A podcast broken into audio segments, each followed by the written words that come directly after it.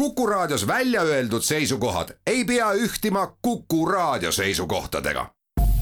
Te kuulate Kuku Raadiot.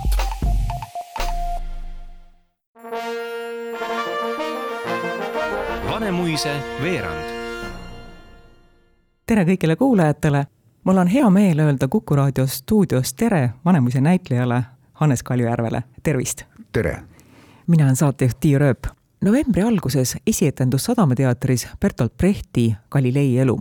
lavastaja Karl Laumetsaga ajasime me Vanemuise veerandis juttu enne esietendust ja selle kohtumise eel lugesin ma näidendi teksti.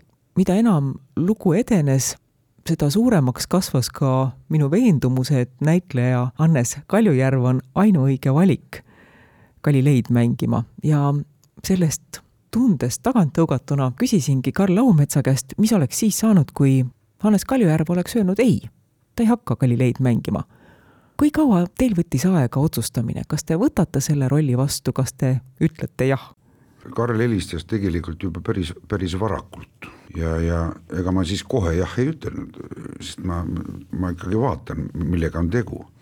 ma ei olnud seda lugenud ja kui ma seda lugesin, seda Brechti, minu meelest see, see ei ole üks-üheselt tehtav.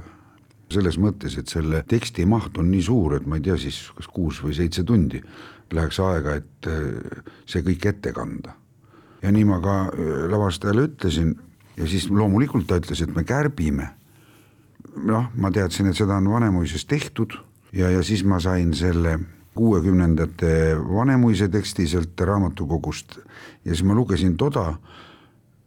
aga ka too oli hästi pikk ja siis ma ütlesin jällegi, et, et, et too on ka liiga pikk ja siis ta ütles, ei ikka me kärbime ja ja kärbime ja siis ta ütles veel niimoodi, et kui sa, kui sa ei ole nõus, siis ma ei tee seda e.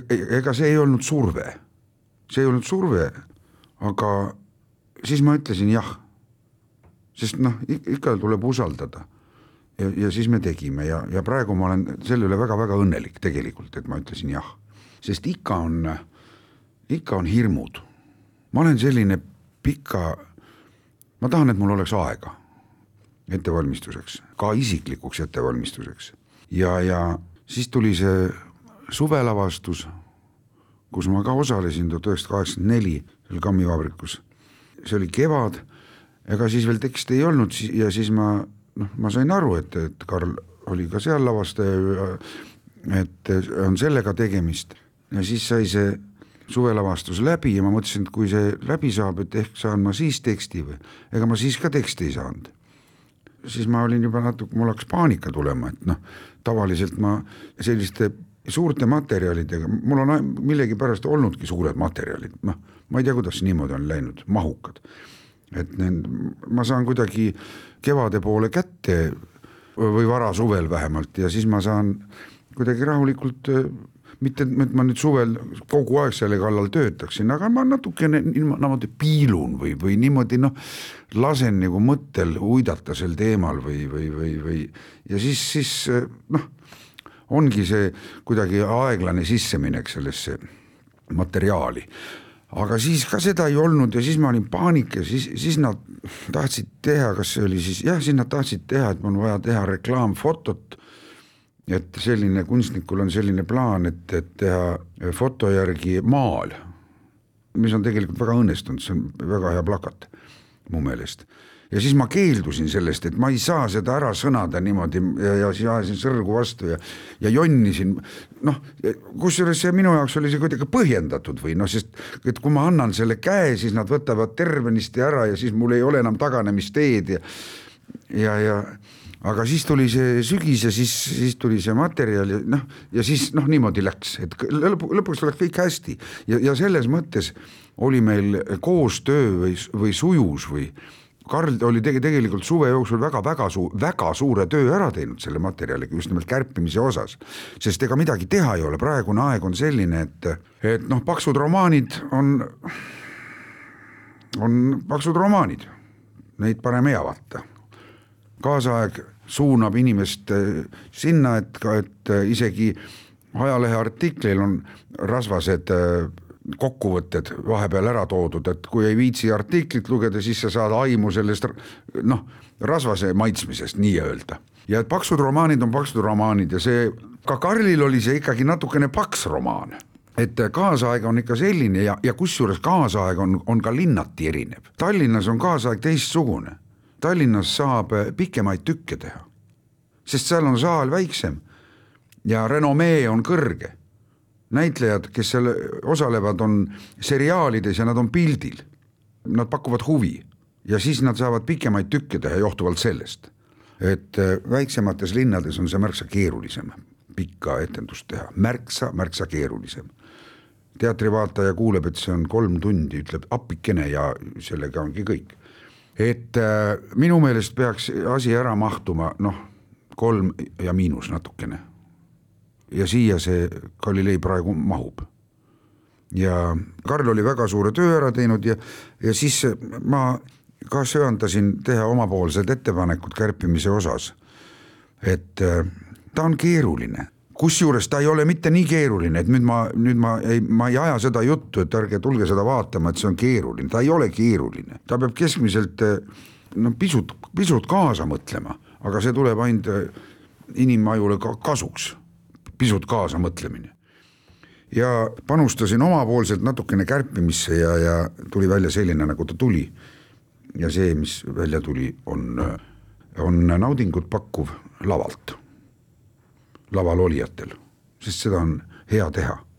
mõningad etendused on toimunud ja, ja sellel etendusel läheb, läheb siiamaani hästi, et selle vastu on teatav huvi mitte ainult sellepärast, et Tartu on ülikooli linn, mitte ainult sellepärast, et äh, on, mida vaadata kõigil.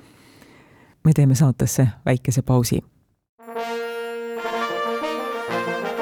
Vanemuise veerand. Vanemuise veerand läheb edasi. kuku raadio stuudios on näitleja Hannes Kaljujärv, saatejuht on Tiia Rööp.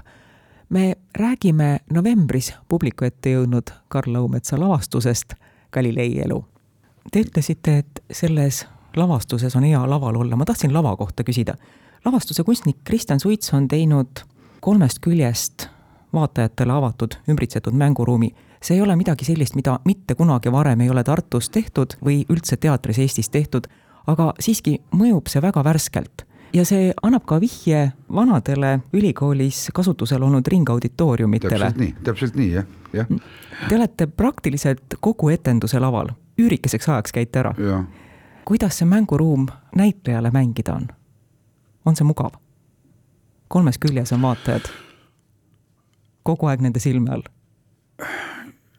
jah, ma ütleksin küll, et on mugav, sest äh, sa selle kuidagi täiesti nagu unustad ära või, aga ometi sa oled võtnud, äh, võtnud omaks sellise kuidagi, ma enda puhul tajun seda, et, et äh, mitte et sa mõtleksid, et kogu aeg sellele, et ma pean nüüd sellele sektorile ka nähtav olema ja tollele sektorile nähtav olema, aga sa liigud ringi ja sa vahetad positsioone ja mitte, mitte ainult sellepärast, et olla nähtav sellele ja sellele sektorile, vaid äh, sisemiselt õigustatuna.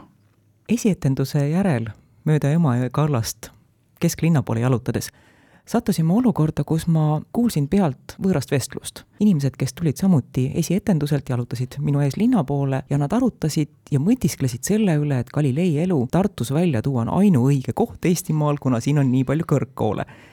ja ma jäin mõtlema, kas, kas see on päris nii kas Brecht kirjutas selle loo mõeldes inimestele ühest kitsast ringkonnast, teadlaskonnast? see on laiapõhjalisem, millest ta räägib. jah, see on laiapõhjalisem see ja, ja ta räägib ikkagi, minu meelest, ta räägib ikkagi rohkem sellest, et kuidas öelda, jah, ta räägib, räägib reetmisest. võib ju öelda kirglikult, et reetori palk on surm ja, ja reetmisel ei ole hinda, seda ei tea või. küsimus on põhimõtete reetmisest.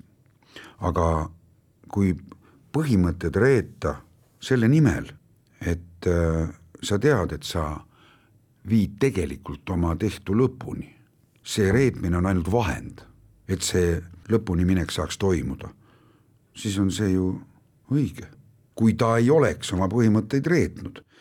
ega meie ei tea, mis siis oleks, ilmselt oleks ilmunud keegi teine, kes oleks selle asja tema eest kunagi sada või kakssada aastat hiljem ära teinud. aga noh, ta tegi seda ise, kusjuures see on nii huvitav, et kroonikud või kaasaegsed või on tema kohta kirjutanud nii ja naa, et ta tõesti, ka Brecht on selle tekstis välja toonud, et ta oli, armastas hästi süüa ja oli gurmaan ja oli, oli natukene libe, armastas viibida kõrgseltskonnas ja olla nähtaval ja nii edasi ja nii edasi ja nii edasi. vot selline libedik natukene või, aga samas väga halva iseloomuga, kergesti vihastuv, halvasti käituv ja nii edasi ja nii edasi, täiesti diametraalselt erinevad öö, omadused. ega meist pole keegi näinud. Ega Brecht ka ei näinud, seal on vahepeal veel ka Brechti tõlgendus asjast, et see on huvitav. Jah. Seda enam, et ega Brechti kohta ka ei saa, ei saa väita seda, et ta ei osanud ennast elus hästi sisse sättida. Ja,. jah, jah, võib-olla tundis sugulasingi ära. Võib-olla kirjutas endast. Ei tea, ei tea jah. lavastuses on koos teiega laval kaksteist näitlejat ja kui võtta, et Brechtil oli tegelasi üle viiekümne, siis tegelikult on kärpimised väga hästi toimunud. on küll, jah. ma nimetan ära kõik need näitlejad, mul on nad paberi peale välja kirjutatud, et ma tõesti mitte kedagi ei unustaks. Aivar Tomingas, Jüri Lumiste, Riho Kütsar, Karol Kuntsel, Veiko Porkanen, Robert Annus, Priit Strandberg, Kaarel Poga, Oskar Seeman ja kuna naiste rolle on vähem, siis ka näitlejannasid on vähem kaasatud. Piret Laurimaa, Marika Barabantšikova ja Maarja Johanna Mägi, aga ma tahan küsimusega tüürida sinna. lavastuses on kolm noort näitlejat, kelle jaoks see hooaeg on Vanemuises teine hooaeg. Maarja Johanna Mägi, Kaarel Poga ja Oskar Seeman. Oskar Seemaniga vist on teil ühine esimene lavastus, Galilei elu, aga, aga teiste näitlejatega tuhat üheksasada kaheksakümmend neli oli Kaarel Poga ja, ja, ja, ja Maarja Johannaga veel lisaks inspektor. inspektor jah, jah, jah ainult oskan kiidusõnu öelda, erakordselt äh, tõsise töösse suhtumisega noored inimesed ma ei ole jõudnud küsimuse juurde veel. küsimus on selline, teie olete Vanemuises. neljakümne viiendast, ma kohe pärast sõda tulin, ma olen juba noh. ei, ei seitsekümmend üheksa. ma tean. seitsekümmend üheksa.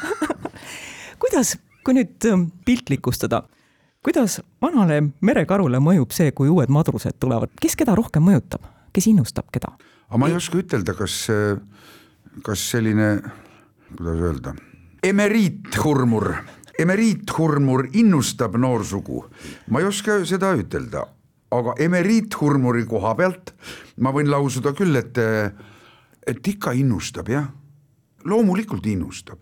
ma tahaks olla ka, kahjuks mul ei ole selliseid iseloomuomadusi, et aga ma tahaks olla ikkagi ka õpetaja või, sest ma, ma saaksin kogu aeg noortega, noored vahelduvad, minuga vahelduvad noored, aina noored tulevad, mina õpetan neid ja vot nad annavadki mulle noorust ja energiat ja nii edasi, aga jah, küsimusele vastates loomulikult innustavad. ma arvan, et, et, et vanem generatsioon innustab ka neid, ma loodan. me praegu oleme rääkinud Galilei elust, selle lavastuse esietendus oli novembris. kahe tuhande kahekümne esimest aastat on järel vaid paari nädala jagu. muide, tänane saade on viimane selle aasta Vanemuise veerand. kevadhooaeg, millised uued lavastused teile kaasa toob? üks uus lavastus mind ootab veel ees ja see on äh, Tõrksa taltsutus, kus vist, ma nii täpselt ei mäleta, ma lugesin küll, aga, aga see oli juba jah, juba jupp aega tagasi, kus vist tegutseb ka üks emeriithurmur ja seda saab, seda tegutsevat emeriithurmurit saab ei, näha aprillis. ta ei ole, see tükk ei ole kirjutatud emeriithurmuri pärast, seal on ikka, põhiliselt on ikkagi noored inimesed aga see annab võimaluse ka elukogenud hurmurile. ja ikka, ma arvan, et ikka annab jah, annab jah aitäh, Hannes Kaljujärv, et te tulite saatesse külla, minul oli väga tore, suur tänu teile. aitäh kutsumast. aitäh kõigile kuulajatele, jälle kuulmiseni. Vanemuise veerand